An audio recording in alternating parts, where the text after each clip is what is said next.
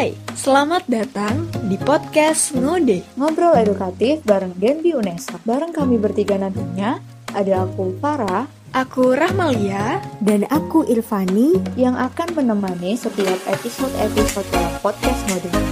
podcast Ngode adalah salah satu program kerja dari komunitas Genbi di Unesa periode 2020 sampai dengan 2021. Nah, adanya podcast ini bertujuan untuk memberikan sosialisasi dan juga edukasi untuk masyarakat di berbagai bidang nih. Di podcast Ngode kita akan bahas apa aja sih? Hmm, makanya tetap stay tune dan jangan sampai ketinggalan topik-topik yang akan kita bahas ya. See ya!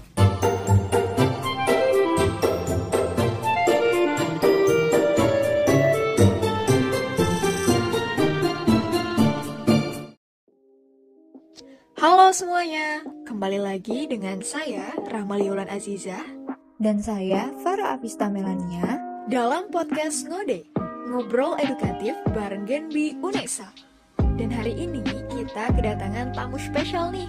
Ada siapa sih Kak Farah? Yap, bener banget Kak Rahma. Di episode kali ini, podcast Ngode kedatangan tamu spesial yaitu Kak Vindi Kusuma Wardani. Nah, Kak Vindi ini merupakan runner-up mahasiswa berprestasi utama UNESA tahun 2020 loh Kak Rahma.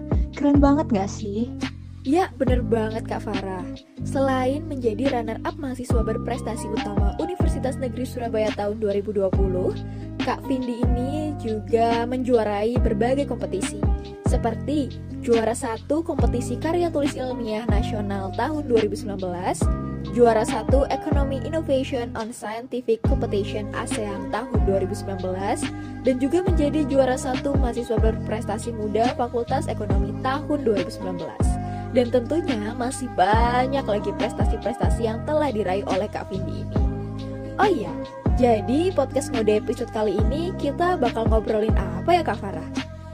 Yap, di episode kedua podcast mode kali ini kita akan bawain topik implementasi kebijakan moneter Indonesia di kala pandemi. Oke Kak Vinti, uh, bisa dijelasin dong ke teman-teman podcast mode, jadi apa sih yang dimaksud dengan kebijakan moneter itu? Silahkan Kak Vindi. Oke, jadi kebijakan moneter adalah kebijakan yang dilakukan oleh otoritas moneter atau bank sentral dalam hal ini Bank Indonesia dalam rangka mengendalikan variabel-variabel moneter atau uang beredar, uang primer, kredit dan juga suku bunga untuk mencapai tujuan ekonomi tertentu yang telah ditetapkan. Atau secara sederhananya, kebijakan moneter itu dapat diartikan sebagai kebijakan yang diambil oleh bank sentral untuk menambah dan mengurangi jumlah uang yang beredar di masyarakat. Oh, jadi begitu ya Kak Vindi. Terus nih Kak, gimana sih sebenarnya sistem kebijakan moneter Indonesia sebelum adanya pandemi ini? Sebagai bank sentral, Bank Indonesia pasti memiliki peran dalam menjaga kestabilan perekonomian negara. Nah, Bank Indonesia memiliki peran utama dalam menjaga stabilitas sistem keuangan. Terdapat lima peran utama Bank Indonesia yang mencakup kebijakan dan instrumen dalam menjaga stabilitas sistem keuangan tersebut. Yang pertama, Bank Indonesia memiliki tugas untuk menjaga stabilitas moneter, antara lain melalui instrumen suku bunga dalam operasi pasar terbuka. Nah, Bank Indonesia ini dituntut untuk mampu menetapkan kebijakan moneter secara tepat dan juga berimbang. Yang kedua, Bank Indonesia memiliki peran vital dalam menciptakan kinerja lembaga keuangan yang sehat, khususnya di bidang perbankan. Menciptakan kinerja lembaga perbankan seperti itu dilakukan melalui mekanisme pengawasan dan juga regulasi. Yang ketiga, Bank Indonesia memiliki kewenangan untuk mengatur dan menjaga kelancaran sistem pembayaran. Jadi bila terjadi gagal bayar atau failure to settle pada salah satu peserta dalam sistem pembayaran, maka akan timbul resiko potensial yang cukup serius dan mengganggu kelancaran sistem pembayaran. Kegagalan tersebut dapat menimbulkan resiko yang bersifat menular, sehingga menimbulkan gangguan yang bersifat sistemik.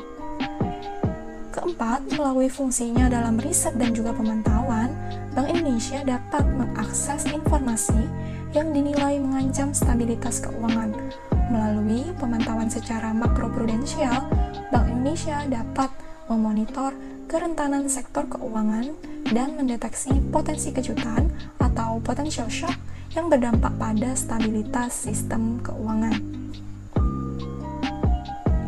Jadi, melalui riset tersebut, Bank Indonesia dapat mengembangkan instrumen dan juga indikator makroprudensial untuk untuk mendeteksi kerentanan sektor keuangan.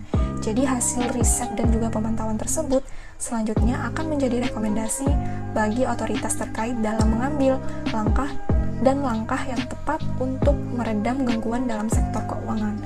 Dan yang terakhir, Bank Indonesia memiliki fungsi sebagai jaring pengaman sistem keuangan melalui fungsi bank sentral sebagai lender of the last resort atau LOLR.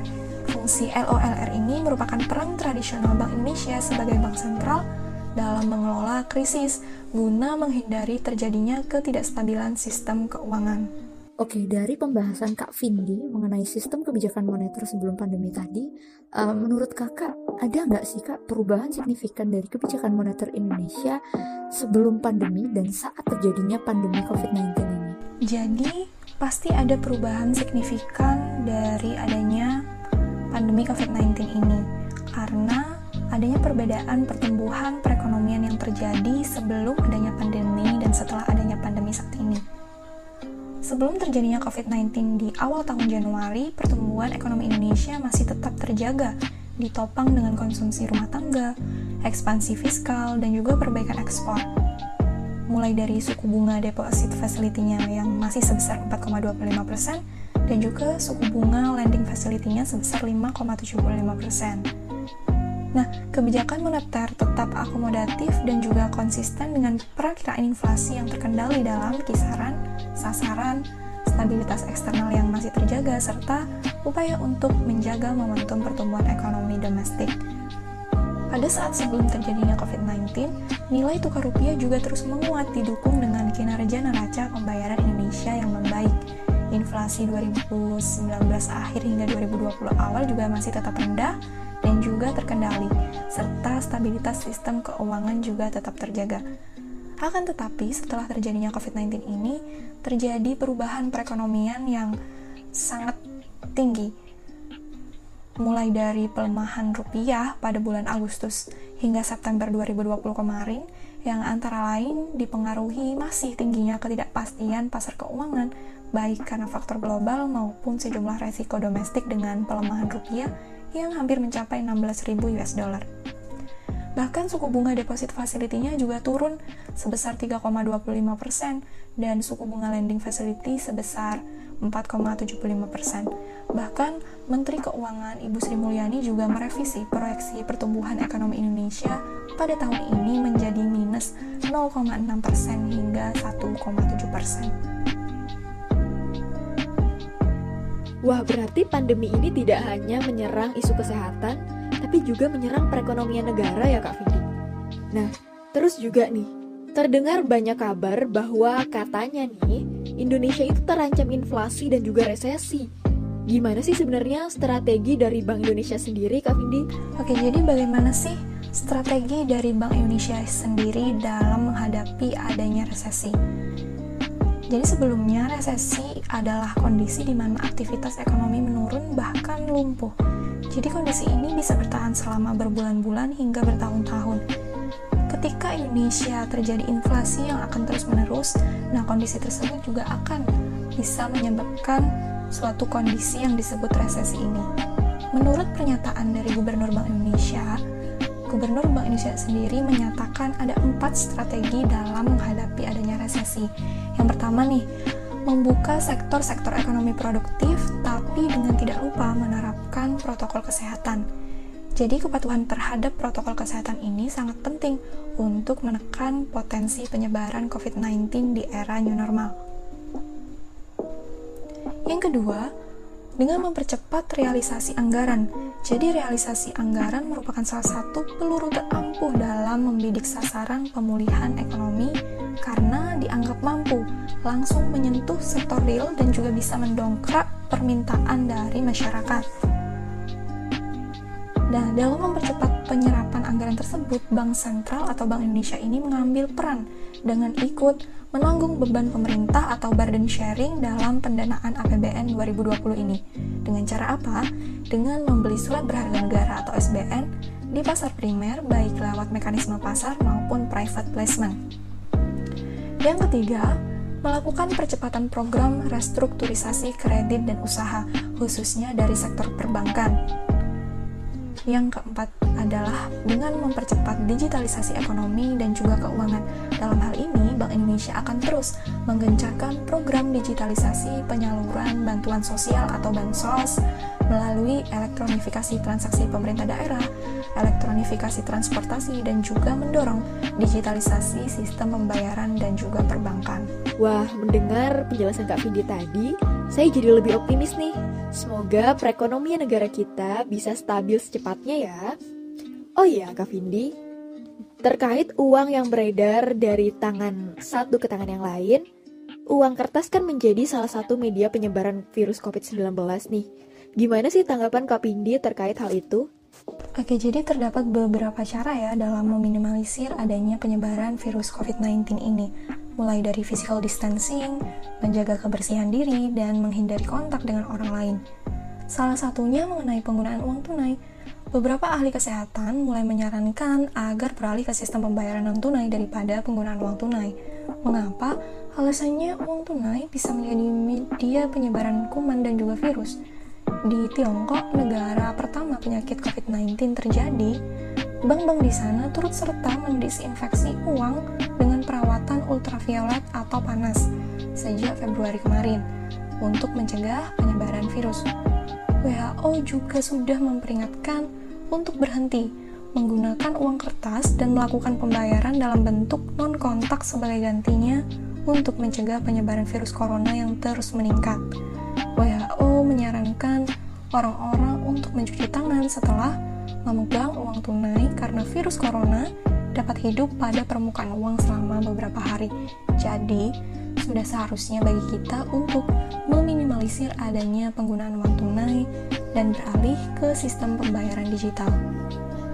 Nah, Bank Indonesia sendiri juga memperkuat kebijakan sistem pembayaran untuk mendukung upaya mitigasi penyebaran COVID-19 ini melalui beberapa cara. Yang pertama, dengan menyediakan uang layak edar yang higienis, layanan kas dan backup layanan kas alternatif, serta menghimbau masyarakat agar lebih banyak menggunakan transaksi pembayaran secara non-tunai.